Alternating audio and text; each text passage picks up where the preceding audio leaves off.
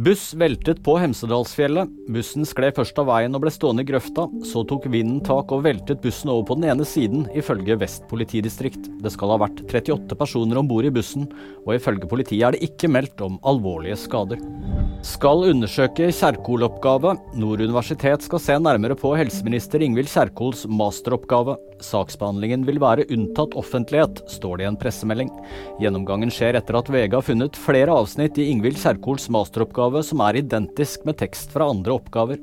Helseministeren sier det skyldes en redigeringsfeil. Spesialenheten iverksetter etterforskning av Elverum-drapet. Spesialenheten skal undersøke om Oslo-politiet brøt sin beskyttelsesplikt. Rahavi Varatarayan varslet om den drapssiktede mannen flere ganger før hun ble drept.